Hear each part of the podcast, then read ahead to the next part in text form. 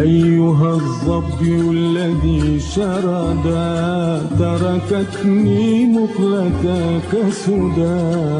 أيها الظبي الذي شردا تركتني مقلتك سدى. زعموا أني أراك غدا وأظن الموت دون غدي. أين مني اليوم ما زعموا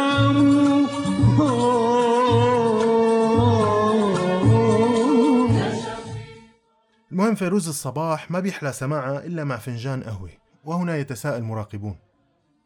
ليش في ناس بتشم القهوة بس وبتصحصح؟ وفي ناس بتشرب لتر قهوة وبتفوت على النوم فورا. هلا ممكن الكل يعرف إنه القهوة فيها كافيين والكافيين بيخلي الواحد يصحصح. ما في شيء جديد. مشان هيك خلينا نغوص شوي بالموضوع تبع الكافيين. هذا يا سادة يا كرام في مركب كيميائي بيصنعه الجسم منشان ينام. اسم هالمركب أدينوسين.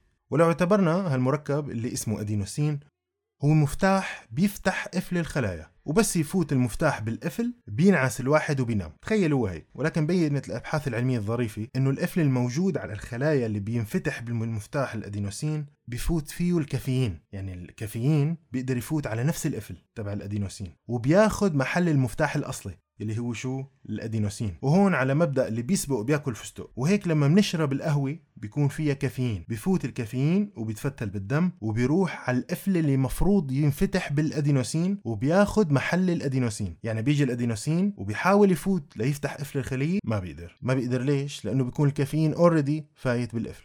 وهكذا ما بيجي شعور النوم إلا بعد جهد جهيد. هلأ نحن كشعوب عربية بنشرب حوالي 80 ملغ كافيين باليوم. بينما شعوب أوروبا الشمالية بيشربوا حوالي 400 ملغ كافيين باليوم. الكافيين وحساسية خلايا الجسم إله بيختلف بين البشر بحسب كمية الكافيين اللي عم تنشرب بشكل يومي.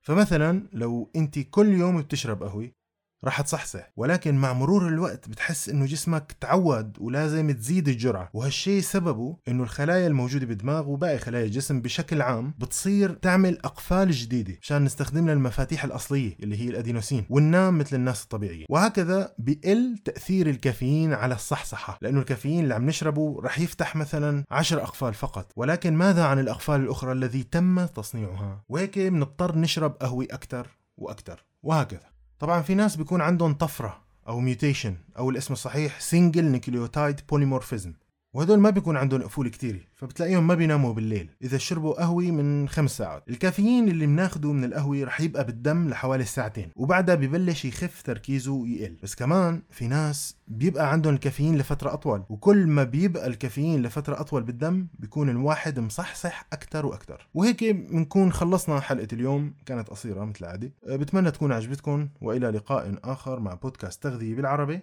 كان معكم عبد المنان فاضل والسلام منك عدلي سبب تعجبين من سقمي هي العجب.